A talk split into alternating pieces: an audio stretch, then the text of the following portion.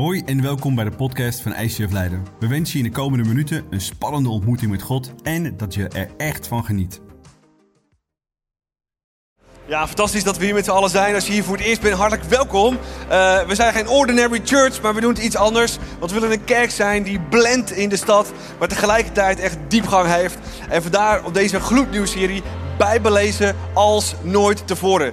Ik weet niet wat je relatie met de Bijbel is. Ik weet niet of je daar denkt van, wow, ja, leuk, grappig of niet. Maar mijn gebed voor jou is, is dat de komende weken vanaf vandaag jouw liefde voor Gods woord echt weer in vuur en vlam gaat staan. Afgelopen week um, bad ik heel specifiek voor mezelf, voor mijn gezin en ook voor onze kerk, wat deze serie met ons ging doen. En de Heilige Geest raakte echt mijn hart aan ik werd emotioneel over Gods woord. En ik geloof echt dat we de komende weken echt ook met z'n allen zo emotioneel kunnen zijn dat over Gods woord, dat Hij dat ons gegeven heeft en hoe veranderend dat kan zijn. Want het juiste woord wat je leest, kan je leven veranderen. Afgelopen week zat ik in een vliegtuig. Ik moest op reis voor de ICF Movement samen met mevrouw Mirjam. En we moesten terugvliegen en naast me zat een zakenman.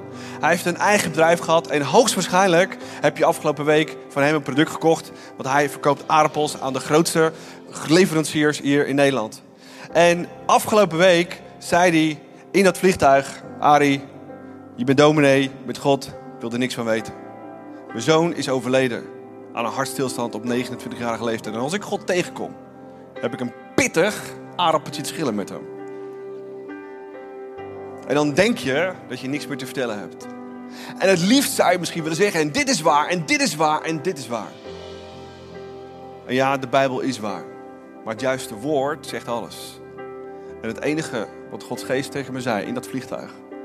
Twee uur lang met elkaar gepraat, want je wil mensen in relatie met Jezus brengen, toch? Ik wel. Het enige woord wat tegen me gezegd heb. Het enige wat je nodig hebt is geloof. En ik hoop dat je ooit een dag hebt dat je geloof kunt uitspreken. En dat God en Jezus je hart aanraakt. En dat hij je diep van binnen geneest van alle verdriet die je hebt. En daar wordt iemand stil van. En ik geloof met heel mijn hart dat we ook stil kunnen worden. En dat we vandaag en de komende weken de juiste woorden gaan horen. Dat Gods Heilige Geest ons aanraakt. En dat we verliefd worden op zijn woord van God. Are you ready? I'm ready. I'm born ready. Fantastisch. Ik weet niet wat jouw favoriete verhaal is toen je klein was. Maar toen ik klein was, uh, kreeg ik zoveel verhalen mee. We hebben een fantastisch gezin gehad. En mijn moeder had de lef om elke avond, of het wilde of niet, of het leuk vond of niet. Ja, ik was natuurlijk een lievertje van het gezin, maar de rest was niet zo cool. Uh, om bijbelverhalen voor te lezen. En ik vond het fantastisch. En een van de verhalen die ik zo fantastisch was, was natuurlijk het verhaal van Mozes uit het land Egypte, al die plagen, al die dingen, dat het beloofde land in. Zo waanzinnig wat daar gebeurde en wat het volk van God meemaakte. En ik hoop dat je ook dat soort verhalen hebt. En we denken dat we allemaal wel heel veel verhalen kennen uit de Bijbel. Maar de grote vraag is, ken je het verhaal van de Bijbel? Door de eeuwen heen. Hoe is het tot stand gekomen? Is dat zomaar gegaan? Is dat makkelijk gegaan? Is het easy gegaan? Kan die zomaar heilig uit de lucht vallen? Daar gaan we het vandaag over hebben. En ik hoop met heel mijn hart dat je geraakt bent door het woord van God. Ik kwam tot geloof op mijn veertiende. Ik ging op mijn knieën in mijn slaapkamer, Jezus in mijn leven uitgenodigd en de rest is history. En op mijn twaalfde, toen ik de lagere school verlaten, die heette de Marnix school, oftewel de Mag Niks school. Uh, gereformeerd moest je elke maandag, leuk hè, na het weekend, een psalm, uh, nee dat was maar een psalm, een gezang moest je opdreunen. Nou dat was de grootste verschrikking aan beleven, ik heb er nog steeds een beetje trauma van. Heaven, kunnen we straks een afspraak maken voor counseling? Oké. Maar het woord van God kreeg ik toen, toen ik van school afging. En pas op mijn veertiende, toen ik mijn leven in Jezus gaf ging die echt open. Heb ik echt alles, nou ja, gelakt, gepend, gehighlight, geverfd soms. Omdat het zo enorm tot me sprak. En ik hoop met mijn hele hart dat je ook vandaag weer, of de komende tijd, zo'n enorme passie voor het woord van God krijgt. Dat je elk woord wil snappen, elk woord wil begrijpen. En dat elk woord je hart raakt, je leven raakt, je perspectief raakt. En dat het je leven totaal gaat veranderen. Maar als het gaat om het thema van vandaag, is de Bijbel waar? Zijn we vaak, ook vanwege social media, de tijd waarin we leven, heel erg zwart-wit. Toch? Wat te zeggen van de ene kant, ja, weet je, hoe kan het zo zijn dat de Bijbel waar is? En dat kan helemaal niet. Het is een grappig, leuk boek. En eh, daar blijft het bij. Er zijn ook andere mensen die zeggen het andere totale uiterste. Ja, dit boek is zo speciaal. En op een dag ja, kwam het echt heilig uit de hemel vandaan vallen. En alles wat daarin staat is zo bijzonder en zo magisch en zo. Woe! Twee uitersten. En vandaag willen we je meenemen over hoe, net zoals Jezus, menselijk die naar de wereld kwam, en hoe goddelijk die tegelijkertijd was. En hoe menselijk dit boek door de eeuwen heen samengesteld is. Op een waanzinnige, goddelijke manier. Esther, leg ons uit hoe dat gegaan is. Applaus voor Esther. Ja, ik wil jullie vandaag meenemen in het verhaal van de Bijbel. Het verhaal achter de Bijbel. Het verhaal van het ontstaan van de Bijbel. Want de Bijbel ontstond niet bij het eerste boek van de Bijbel, Genesis. Nee, de Bijbel, het ontstaan van de Bijbel begint allemaal bij één persoon. En die persoon is Jezus Christus. Het begon allemaal bij Hem. En als we meer over Jezus willen weten, als we meer over Hem willen ontdekken, waar lezen we dan in de Bijbel? Doen we dat in het Oude Testament? Of doen we dat in het Nieuwe Testament? Nou, als je over het leven van Jezus wil lezen, dan begin je bij het Nieuwe Testament. En vandaag gaan we voornamelijk kijken naar het ontstaan van het Nieuwe Testament. En het Nieuwe Testament start met vier evangeliën. En die evangeliën zijn een soort van autobiografie over het leven van Jezus. En ik wil eerst een tijdlijn laten zien over het ontstaan van het Nieuwe Testament.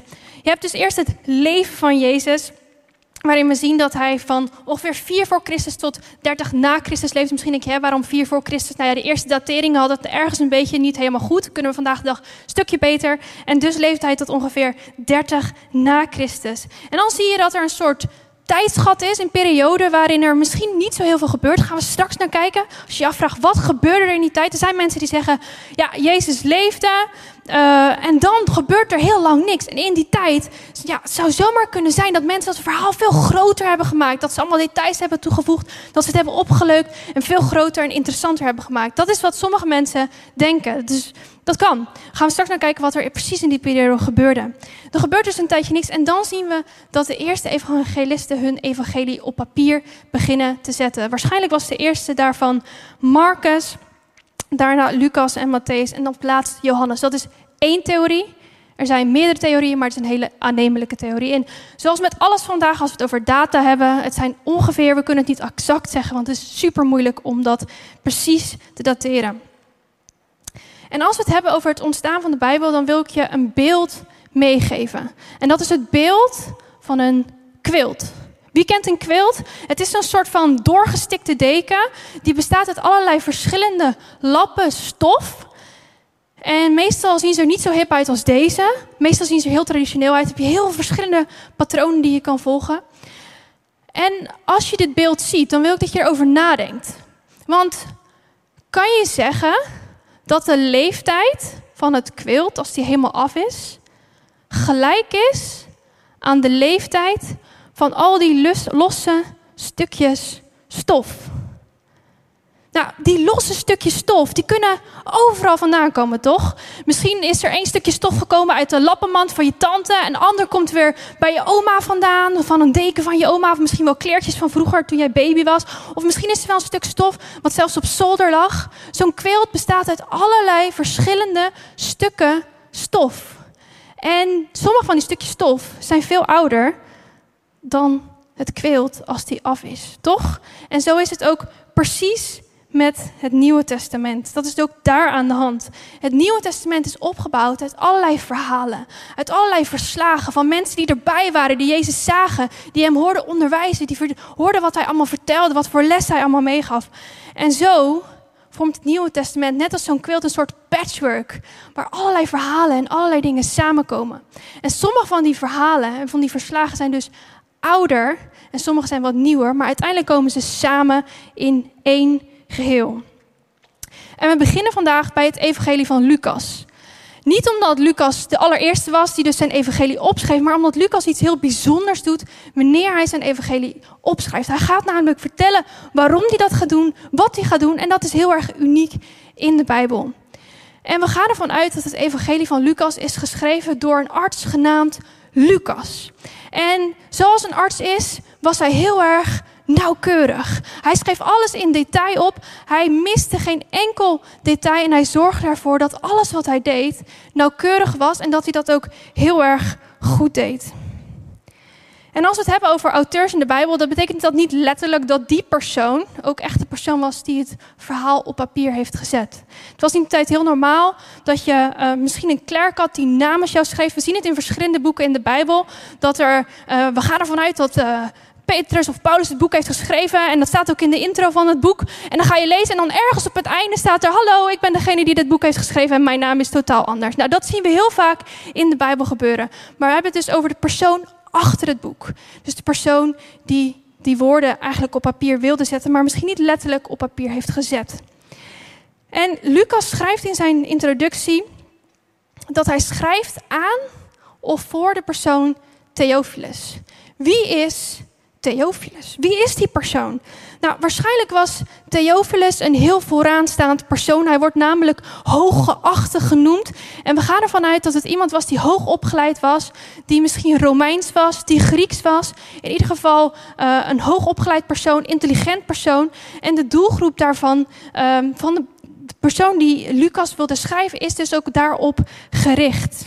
En waarschijnlijk schreef Lucas zelfs in opdracht van Theophilus is het niet zomaar een vriend van hem geweest, maar misschien zelfs een soort um, beschermheer die misschien zelfs wel betaalde om onderzoek te doen naar het leven van Jezus. Laten we kijken wat er namelijk staat in die intro van Lucas. Lucas 1.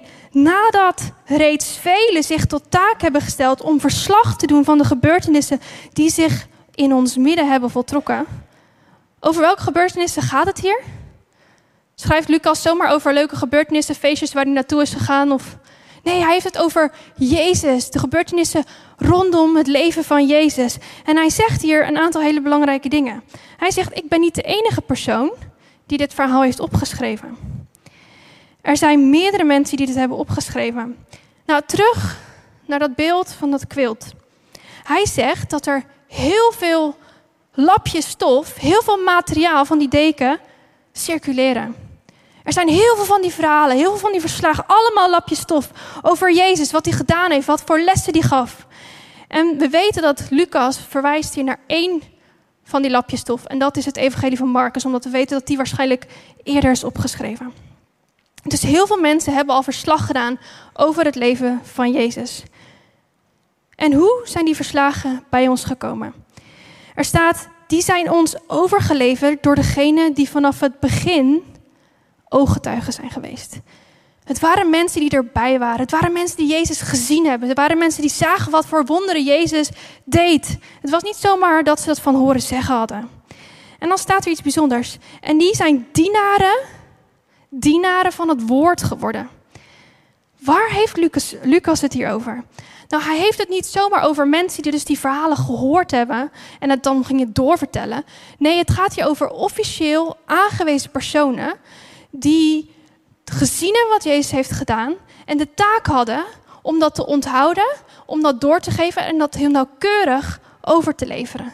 Dit waren niet zomaar verhalen, dit waren niet zomaar mensen, dit waren dienaren van het woord. Mensen die zeiden: Het is mijn taak om die verhalen over Jezus, om die over te leveren, zodat andere mensen daar ook over kunnen leren. En in die culturen, in heel veel culturen is het zo dat mondeling dingen werden overgedragen. Dat zijn orale culturen, waarin verhalen van persoon tot generatie tot generatie gaan mondeling. En in die tijd was het zo dat een getuige die een verhaal mondeling kon vertellen veel betrouwbaarder was dan een geschreven getuigenis. Want een getuige die jou kan vertellen hoe iets eraan toe is gegaan, die kan je vragen stellen. Hoe was dat echt gegaan? Hoe zag dat er echt uit? En als je meerdere getuigen hebt, kan je al die getuigenissen naast elkaar leggen. En kan je dus vergelijken of het echt klopt wat die persoon zei. En dat is ook precies wat waarschijnlijk aan de hand is geweest in die periode tussen het leven van Jezus en dat de verslagen uiteindelijk zijn opgeschreven, is dat het overgeleverd is van persoon op persoon door die dienaren van het woord. En wat men dus deed, is dat die verhalen mondeling werden overgedragen. Er waren dus ooggetuigen die werden aangewezen om het verhaal van Jezus in stand te houden en over te leveren. En er waren dus al die verhalen, al die lappenstof, al die stukken van dat deken. En die dienaren van het woord, die zagen het als hun serieuze taak om dat ook echt nauwkeurig over te geven en door te geven. En omdat er zoveel mensen waren die gezien hadden wat Jezus deed, dat er zoveel getuigen waren, was het ook niet mogelijk om in die periode waarin misschien nog niks op papier stond, om het verhaal maar helemaal te verdraaien en allemaal dingen toe te voegen. Want er waren zoveel mensen die erbij waren geweest, die het gezien hadden. Dus je kon heel makkelijk door al die ooggetuigen factchecken of het verhaal nog wel echt klopte. Oké, we weten nu dus dat Lucas verslag gaat doen van die gebeurtenis rondom het leven van Jezus. Waarom deed hij dat? Waarom schreef hij dat allemaal op? Laten we verder lezen in versen 3 en 4. Het leek mij ook goed om alles vanaf de aanvang op af nauwkeurig na te gaan en deze gebeurtenissen in ordelijke vorm voor u, hooggeachte Theophilus, op schrift op te stellen. Hij wil het dus allemaal heel nauwkeurig opschrijven. Waarom? Om u ervan te overtuigen van de betrouwbaarheid van de zaken waarin u al onderricht bent. Hij wilde dat doen zodat Theophilus zou weten dat alles wat hij al over Jezus had gehoord, dat dat betrouwbaar was, dat dat waar was. En Lucas vertelt dus dat hij dat gaat doen en hoe hij dat gaat doen. En dat is heel bijzonder dat we in de Bijbel zoiets lezen waarom dat iemand gaat vertellen wat hij gaat doen, hoe hij het gaat doen en waarom hij het gaat doen. En Lucas schrijft dus alles nauwkeurig op, zoals een arts. Nou, het is niet zo dat Lucas dat eventjes zo in de Bijbel schreef. Hier is het verhaal, dit is wat ik je wil vertellen, dit is over het leven van Jezus. Alsjeblieft, mensen, 2000 jaar later, hier is jullie Bijbel. Nee, dat is niet wat Lucas deed. Want er was nog geen Bijbel. Wat deed Lucas? Lucas, die schreef zijn verslag op op een document, perkament, in een boekrol. Dat is waar hij zijn verslag deed. Dat is waar hij zijn verhaal opschreef. Op zo'n papieren document. Dat is wat hij deed. En nu komt een belangrijk detail. Want op een gegeven moment lezen we in het verhaal van Lucas dat Jezus aan het kruis komt te hangen. Het is allemaal over, het is allemaal voorbij. En wat had Lucas dan kunnen doen op dat punt in zijn verhaal? Hij had kunnen zeggen: Theophilus, jammer, jouw Messias, waarvan je dacht dat hij alles zou zijn. Het is voorbij, het is over. Het was een fantastische show, maar de show die eindigt nu hier. Maar dat is niet wat Lucas deed. Lucas gaat nauwgezet verder en detail voor detail beschrijft hij vervolgens wat er verder gaat gebeuren. En hij zegt dat er twee mensen waren, Jozef van Arimathea en Nicodemus, die Jezus van het kruis afhaalden. En hij schrijft het volgende. Nadat hij het lichaam van het kruis had gehaald, wikkelde hij het in linnen doeken en legde het in een rotsgraf dat nog nooit was gebruikt. Heel veel details. Hij benoemt het soort doek, hij benoemt uh, dat het een rotsgraf was die nog nooit eerder was gebruikt. En al die details maken zijn verhaal zoveel meer betrouwbaar. En Lucas observeerde dus die details en hij schrijft het op. En dan zegt hij, nu ligt Jezus in het graf. Waarom is dat belangrijk? Jezus had overal kunnen zijn, toch? Nee, hij zegt, hij ligt in het graf. Staat in Lucas 23, vers 55. De vrouwen die met Jezus waren meegereisd uit Galilea, waren Jozef gevolgd. En ze zagen het graf en ze zagen ook hoe Jezus' lichaam daar werd neergelegd. En daarna gingen ze naar huis, waar ze geurige oliën en balsem bereiden. En als je dat zo leest, denk je: Oké, Jezus ligt in een graf. Het is dus voorbij. Het is over. En de Joden hadden op dat punt kunnen denken: zie je wel, die Jezus, dat was gewoon een fake. Hij was gewoon nep. Er was allemaal niets van waar. Alles wat in het Oude Testament staat, dat blijft. Er is nog niks uitgekomen. Dat is wat het is. En op dat punt zouden de Romeinen kunnen hebben gedacht: zie je wel, de keizer is nog steeds veel beter dan die Messias die zou komen. Onze goden zijn veel beter dan jullie God. En het leek erop dat er niets veranderd was. En op dat moment, als die discipelen van Jezus bij dat graf zijn, lijkt het alsof alles voorbij is. Het lijkt erop alsof alles voorbij is, alsof het klaar is. Maar dan gebeurt er iets interessants. Laten we verder lezen in Handelingen 1. Daar staat: Het is geschreven door dezelfde persoon, diezelfde Lucas. In mijn eerste boek, in het evangelie dus van Lucas, waar hij het eerder over had, Theophilus, heb ik de daden en het onderricht van Jezus beschreven. Vanaf het begin van de dag waarop hij in de hemel werd opgenomen, nadat hij de apostelen die hij door de Heilige Geest had uitgekozen, had gezegd wat hun opdracht was. Nou, als je goed leest, weten we dus, oké, Jezus was opgestaan en nadat hij was opgestaan, gaf hij zijn apostelen de opdracht om een aantal dingen te doen. Maar wist je ook dat Jezus, nadat hij was opgestaan uit zijn dood, nog 500 personen heeft gezien? 500 personen heeft hij gezien. Nou, op dat moment waren er zo'n 40.000 mensen in Jeruzalem. En dat betekent, als je een snelle rekensom doet, dat elke vijftiende persoon in Jeruzalem dat moment Jezus had ontmoet. En Jezus zag die mensen en hij zei: Kijk naar mijn handen. Kijk naar mijn wonden. Kijk wat ik voor jou heb gedaan. Dit wat ik heb gedaan is niet nep. Dit is geen sprookje. Ik, het is echt gebeurd. En ik ben echt uit de dood opgestaan. En Jezus liet zich zien aan zoveel mensen. En het is zo bijzonder om te zien dat zoveel mensen dit ook hebben opgeschreven. Dat er zoveel van die documenten zijn waar we kunnen lezen: wauw, dit is er met Jezus gebeurd. En dit is hoe het is gegaan. En vanaf het begin zien we dat er niet steeds één persoon over Jezus spreekt. Er zijn altijd verschillende mensen die over Jezus spreken. En Lucas die heeft dat dus opgeschreven in allemaal van die fantastische documenten. Document na document. Hij schreef zijn document en er waren vervolgens weer mensen die die documenten kopieerden. En hij schreef het op. Mensen kopieerden het. En misschien zeg je, maar is de Bijbel dan de reden dat mensen geloven? Is de Bijbel dan de reden dat mensen gingen geloven dat die Jezus ook echt bestaan heeft en opgestaan is uit de dood? Nee, die documenten ontstonden omdat mensen geloofden. Het christendom is niet ontstaan door de Bijbel. Nee, de Bijbel ontstond door het christendom. En dat is een groot verschil. Die boeken en al die schriften en al die documenten die gekopieerd werden en overgeleverd werden, die ontstonden terwijl de eerste kerken ook ontstonden. Dat ging hand in hand met elkaar. Dus terwijl mensen die documenten oh, zagen en ze lazen, werden ze gekopieerd, verspreidde het christendom zich, maar verspreidden ook al die documenten zich. En laten we verder lezen in Handelingen 2, vers 32. Daar staat: Jezus is door God tot leven gewekt. En daarvan getuigen wij allen. Al die getuigenissen die we lezen in de Bijbel gaan maar over één ding. En dat is dat Jezus bestaat, dat hij opstond uit de dood. En dat die mensen hem dus allemaal gezien hadden. En daaruit stonden al die evangeliën die wij vandaag de dag kunnen lezen. En al die documenten draaien maar om één ding.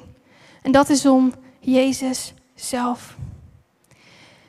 En Lucas schreef zijn evangelie dus een opdracht van Theophilus. En we kunnen er dus vanuit gaan dat zijn doelgroep een Grieks publiek was of een Romeins publiek, in ieder geval een hoog opgeleid publiek. Maar dan hebben we het volgende evangelie. En dat is het evangelie van Marcus. En Marcus en evangelie is het kortste evangelie. Hoe komt het dat Marcus en evangelie zo kort is? Nou, Marcus schreef voor een Romeins publiek. Zijn vrienden waren de Romeinen.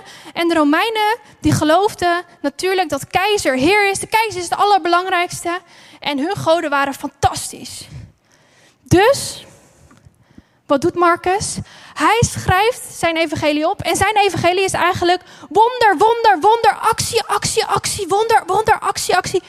Lucas die zegt, oh, al die details, al die verhalen, is allemaal heel belangrijk, schrijft alles op. Maar Marcus, die schrijft al die wonderen op en al die acties wat Jezus heeft gedaan, om te laten zien, hey, Romeinen, jullie denken dat jullie goden zo bijzonder zijn, maar mijn Jezus kan mensen opstaan, laten staan uit de dood. Mijn Jezus kan mensen genezen. Mijn Jezus kan al die dingen doen. En dat is waarom het evangelie zo, van Marcus zo kort is, maar ook zo krachtig is. Omdat hij van actie, actie, actie naar wonder, wonder, wonder gaat. Super cool. Maar wat als je al die documenten niet had? Wat als je documenten van Lucas niet had? Wat als je die documenten van Marcus niet had? Ja, wat dan? Mensen zagen Ze hoorden over Jezus en ze geloofden simpelweg. En ook dat was genoeg, staat er in de Bijbel. Oké, dan komt Matthäus om de hoek. Matthäus, zijn vrienden waren de Joden. Hij schrijft aan een Joods publiek. En hij schrijft: Weet je, Joden, ik snap jullie niet. Al die profetieën in het Oude Testament, al die profetieën door Jezaja, door Malachi. Zien jullie dan niet dat deze Jezus, dat dit de persoon is die al die profetieën laat uitkomen? En dat is wat Matthäus deed. Hij schreef voor een Joods publiek. En dan komt er tot slot Johannes. En Johannes maakt het heel interessant. Want elk evangelie is uniek op zijn eigen manier. Maar Johannes is net even wat anders. En misschien heb je al eens gemerkt als je de Bijbel leest dat Johannes net even wat anders leest. Nou, hoe komt dat? Nou, Johannes die dacht, weet je wat? Ik heb Jezus ervaren, ik heb hem meegemaakt, ik heb gezien wat hij gedaan heeft. En ik geniet er allemaal van. En heel lang heeft Johannes helemaal niets opgeschreven. Hij dacht, weet je wat, ik laat Lucas lekker wat schrijven. Ik laat Marcus lekker al die acties en al die wonderen opschrijven. Dat doet hij fantastisch. Ik laat Matthäus schrijven. En pas aan het eind van zijn leven denkt Johannes, oké, ik ga ook opschrijven wat ik heb ervaren. En eigenlijk, als we teruggaan naar dat beeld van dat kwilt, baseert hij zijn evangelie op hele andere stukjes stof, op hele andere lapjes stof. En dat is waarom het evangelie van Johannes ook zo anders is. Maar wat Johannes doet is heel bijzonder. Hij was een discipel van Jezus, hij had het meegemaakt en hij was erbij. En dan zegt hij dus, oké lieve mensen, voordat ik sterf, en nu moet je de context goed begrijpen, want sommige van die lapjes stof, zie je het beeld nog voor je, die gingen viral. Dus die werden gekopieerd en mensen kopieerden wat ze gekopieerden. En zorgden ervoor dat al die documenten, dat ook al die brieven die de apostelen stuurden naar de eerste kerken, dat die dus viral gingen. Dus dat die verhalen bekender en bekender en bekender werden. En die documenten werden dus, zijn dus bewaard gebleven. En Johannes zegt dus, ik vind het heel belangrijk wat ik nog wil meegeven aan jullie. Dus de geschiedenis van de Bijbel en de geschiedenis van de kerk gaan hand in hand. En ik wil nog een aantal feiten geven over die documenten, over die handschriften, die manuscripten die we hebben over de Bijbel. Om je een beetje een beeld te geven hoeveel er zijn. Er zijn van het Nieuwe Testament 25.000 overgeleverde handschriften. 25.000 van die documenten, van die boekrollen. Nou, dat is niet alleen in het Grieks, dat is ook in het Latijn en andere talen. Maar omdat er zoveel zijn, kunnen we heel goed al die documenten en al die handschriften met elkaar vergelijken. En als we dat doen, dan komen we erachter dat er in al die handschriften eigenlijk maar heel erg weinig variatie zit. Dat er heel weinig verschil in zit. En de verschillen die er wel in zitten, zijn vaak alleen maar spel spellingsdingetjes. Dus dat de spelling door de jaren heen is veranderd. Het heeft geen invloed op de tekst. En het oudste stukje, een heel klein stukje overgebleven van een handschrift, dateert al van 125 na Christus. Dat is super kort nadat het is opgeschreven. Dat is iets heel bijzonders. Nou, ter vergelijking, ehm, de geschiedenis van de Griekse schrijver Thucydides, die heeft een geschiedenis geschreven over de Peloponnesische oorlog. Ik weet niet of iemand het kent, waarschijnlijk helemaal niet, maar hij is heel bekend. Ter vergelijking van hem zijn er maar acht handschriften overgebleven. En het oudste, die dateert van 900 na Christus. Terwijl hij zijn werk heeft geschreven ergens tussen 460 en 400 voor Christus. Dus kan je nagaan hoe groot tijdschat daar tussen zit. Dus eigenlijk het feit dat we al die handschriften hebben van het Nieuwe Testament, al die documenten die zijn overgebleven, zorgt ervoor dat het Nieuwe Testament ontzettend betrouwbaar is. Zeker vergeleken met al die andere boeken uit de oudheid, waarvan er soms maar acht handschriften bewaard zijn gebleven. En daardoor kunnen we de geschiedenis van de Bijbel dus ontzettend goed traceren. Nou, ondanks dat, je, dat al die documenten er waren en dat die de ronde deden en dat die circuleerden en dat die viral gingen, waren er nog steeds mensen die misschien helemaal die documenten niet hadden. Of die misschien die documenten helemaal niet konden lezen. Wat dan? Wat dan? Nou, Johannes zegt dan het volgende. Jezus heeft in het bijzijn van zijn leerlingen nog veel meer tekenen verricht die niet in het boek staan. Er gebeurde nog, nog veel meer. Jezus heeft veel meer wonderen gedaan die misschien helemaal niet in die documenten terecht zijn gekomen. Maar misschien heb je alleen maar één klein fragment. Misschien heb je maar één klein stukje. Misschien heb je de hele Bijbel niet. Misschien ben je nooit van plan om die Bijbel te lezen. Of je kan hem niet krijgen. Of je hebt gewoon geen Bijbel. Dan is er één ding dat ik wil dat je weet. En dat is één ding wat superbelangrijk is, zegt Johannes dan. En dat is het volgende. Hij zegt, deze zijn opgeschreven. Voor wie heeft hij dit opgeschreven? Waarom was hij de laatste van de vier evangelisten? Waarom dacht hij, ik ga nu ook nog eens even wat opschrijven?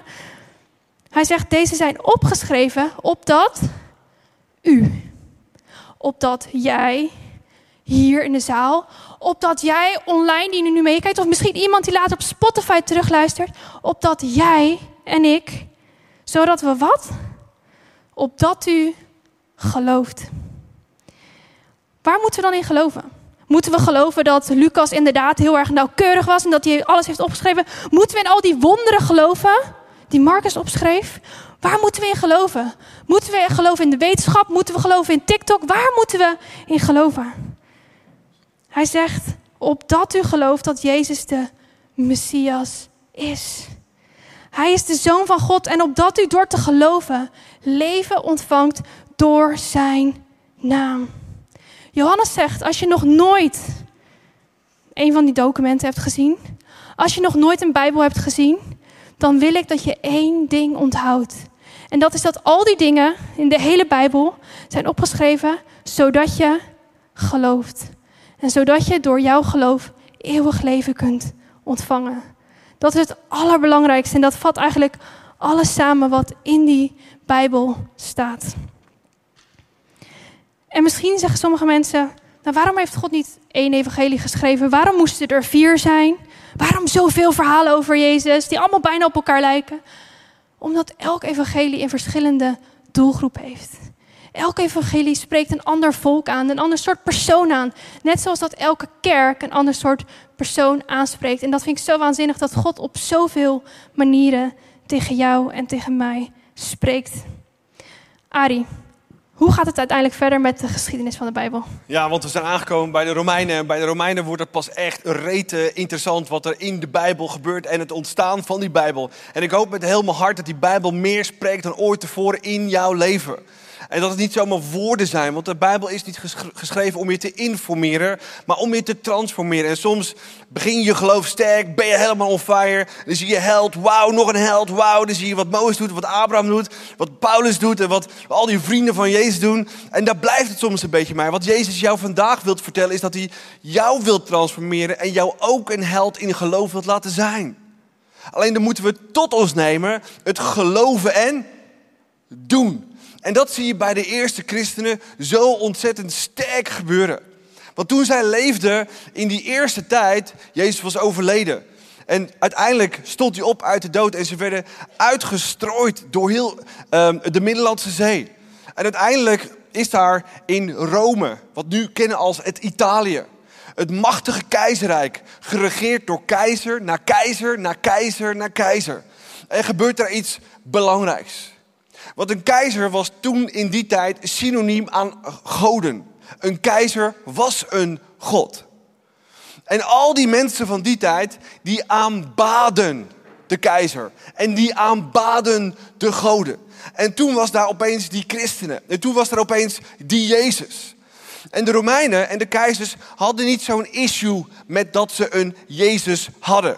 Dat ze een eigen God hadden. Dat ze hun eigen document hadden. Waar ze een probleem mee hadden is dat het alleen Jezus was. En niet meer de keizer en niet meer de gouden. De parallel van deze tijd, dat wij het liefst ook ergens Jezus in een rijtje van belangrijke dingen zetten. In plaats van alleen maar Jezus zijn kerk en de wereld te bereiken met het fantastische nieuws wat we hebben. En de grote vraag van mij vandaag is: brand jouw hart voor zijn woord?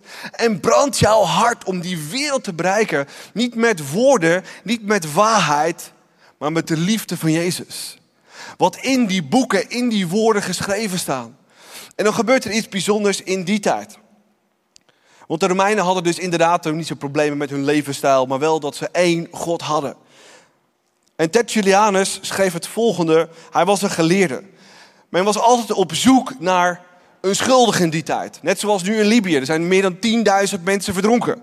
En men is op zoek naar wie heeft dit kunnen laten gebeuren? Wie heeft zulke slechte dammen gebouwd? Ook in die tijd was men op zoek naar schuldigen die men konde beschuldigen. We lezen het volgende. Als de Tiber, ook weer met water te baken, tot aan de stadsmuren stijgt, als de Nijl niet tot over de akkerwinden stijgt, als het weer niet wil omslaan, als de aarde beeft, als er een hongersnood of een plaag is, dan klinkt er direct de roep, de christenen voor leeuwen. Konden ze die mensen maar opofferen? Konden we die mensen maar laten zien hoe slecht ze waren, dat ze maar één God hadden en dat als zij niet ook goden gaan aanbidden, dat zij het probleem zijn van alles? En dan was er nog een andere keizer. 330 jaar na Christus, ene Diocletianus. Die een edict uitvaardigde dat elk van dit soort documenten kapot gemaakt moest worden, verbrand moest worden, omdat ze wisten, hey, dit verdeelt ons rijk, dit verenigt ons rijk niet. En we willen maar één keizer, we willen maar een aantal goden en niet alleen maar Jezus. Mag ik je vraag stellen? Denk je dat na al die boeken verbrand zijn, het ophield bij het verbranden van boeken? Men ging een heel stuk verder. Christenen op de brandstapel. En denk je nou echt dat christenen zich lieten verbranden vanwege een document? Of de waarheid in dat document? En hun waarheid was: het is alles Jezus of niks. Ze gingen niet voor die documenten. Ze gingen niet voor wat daarin stond. Ze gingen voor de inhoud van het document. Jezus boven alles. En ik hoop met heel mijn hart dat jouw leven gebaseerd is op wat er in dat boek staat. Dat Jezus van je houdt. Dat hij voor je stierf. Dat hij voor je opstond. Dat je Gods geest hebt om wat te doen. Op een kerkbank te zitten en niks te doen. Straks naar huis toe te gaan en dat je leven, je financiën, je relatie, je seks niet meer raakt. Nee, hij wil dat je hele leven getransformeerd wordt door zijn woord, door zijn principes. Zodat je Gods koninkrijk in jouw leven kan ervaren. En toen kwam er een wijsneus van een keizer. Kijk, gezegde, if you can't beat them, join them. En hij zag een grote waarheid. Oké, als we ze niet tegen kunnen werken, dan gaan we die religie van die christenen als staatsreligie aanmeten, zodat we allemaal christenen zijn, zodat we allemaal volgelingen van Jezus zijn, het allemaal hetzelfde geloven. Religie, was het hard? Nee. En precies dat is wat er gebeurde in die tijd. En het was keizer Constantijn die ervoor zorgde dat al die Bijbelboeken weer, al die documenten bij elkaar gebracht werden. Geld beschikbaar werd gemaakt om ze te kopiëren. Nog meer kopieën, nog meer kopieën, nog meer kopieën. Want als we allemaal hetzelfde denken en geloven, dan hebben we groot, één, fantastisch keizerrijk. En ik kan weer de God zijn die ik ben. Was hij een God of was God boven God? God gebruikt hem om het inderdaad te verenigen en het woord van God bij elkaar te brengen. En nu hebben wij dat woord van God, al die documenten die allemaal verspreid waren in één boek. En hoe gaan we daarmee om? En? Ja, grappig boekje. Leuk. Hij ligt op mijn nachtkast, hij staat op mijn telefoon. Ik denk echt dat we vandaag, dat de Heilige Geest ons hart moet aanraken. Denk je niet? En het gaat niet om woorden, maar het gaat om de kracht van die woorden. Het heeft altijd om kracht gegaan. En dat lezen we in 1 Corinthians. Lees me mee en laten we sterk afsluiten in deze message. Want het koninkrijk van God, waar we de afgelopen weken over hebben gehad, bestaat niet uit loze woorden, maar uit kracht. De kracht van God en de kracht van de Heilige Geest. De kracht van Jezus' opstanding. Het gaat altijd om kracht door de eeuwen heen. En we lezen van die kracht in dit woord. En ik geloof met heel mijn hart dat we elke dag op zoek zijn naar kracht. Want zoals we allemaal hier zitten, hebben we onze uitdagingen. Hebben we onze zwaktes, hebben we onze ziektes. En misschien het eerste wat je aangeleerd is, is zelf te gaan googelen naar kracht. Te googelen naar principes. Te zoeken op TikTok. Te zoeken op Instagram voor de volgende heilige zelfhulpprincipe. En dit boek laten we stil liggen. En weet je waarom ik denk? Omdat de wereld zo hard schreeuwt over haar principes, over haar waarheid. Om jou te vertellen. Meer tijd door te brengen op social media. En dit boek lijkt zo stil. En het is ook stil. Weet je waarom? Omdat het wacht op jouw wil. Om het te openen. Om Gods woorden te zoeken. Zijn principes te lezen. De nederigheid te hebben om die principes te gaan doen en uit te leven. En dan pas te ervaren. Woe! Het werkt!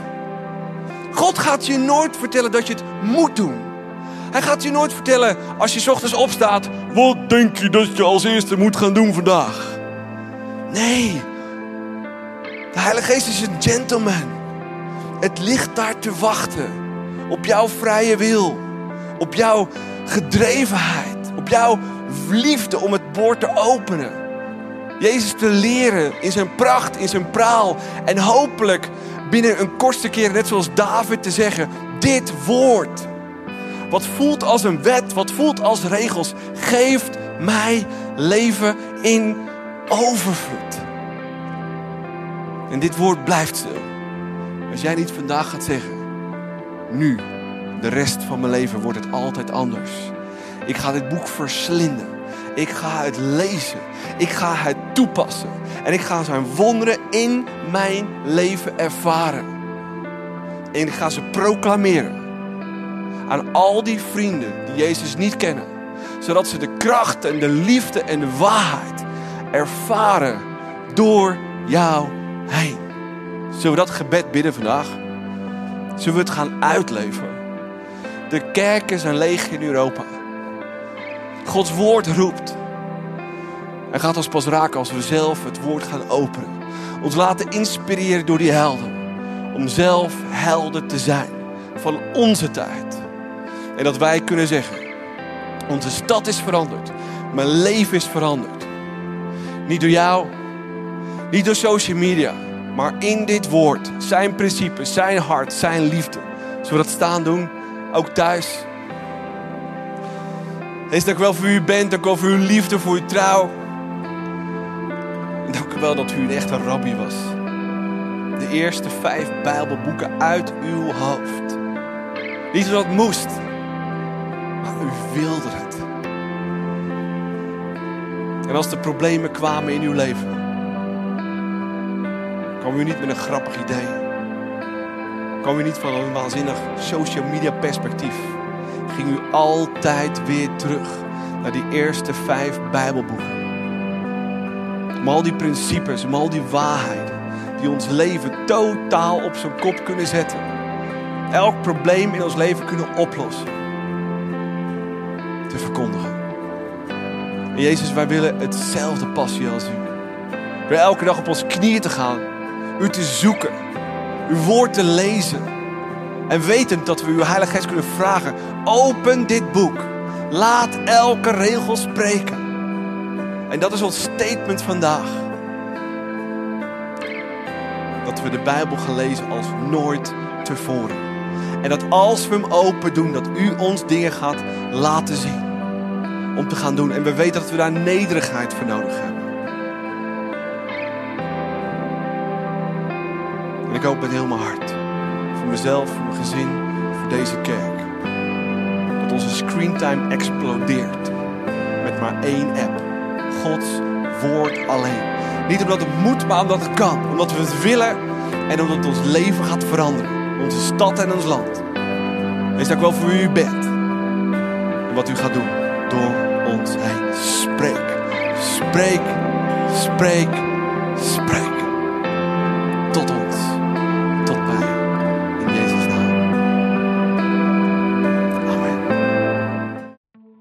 Hopen dat deze podcast je heeft geïnspireerd en verder geholpen heeft in je relatie met God. Wanneer deze podcast je geraakt heeft en je de inhoud ervan wilt helpen verspreiden, deel dan deze aflevering op jouw favoriete social media platform. Op deze manier horen meer mensen over Jezus en deze boodschap van hoop. Je kunt ons ook financieel ondersteunen, waardoor we een maximaal bereik krijgen op het internet en nog meer mensen nieuwe hoop krijgen. Bedankt voor alles wat jij mogelijk maakt. We geloven dat kerk een familie is, dus of je nu live erbij bent of online meeluistert, we willen jou graag persoonlijk leren kennen. Als we jou persoonlijk verder kunnen helpen, dan horen we dat graag. Check voor info en meer mogelijkheden op onze website. Fijne dag.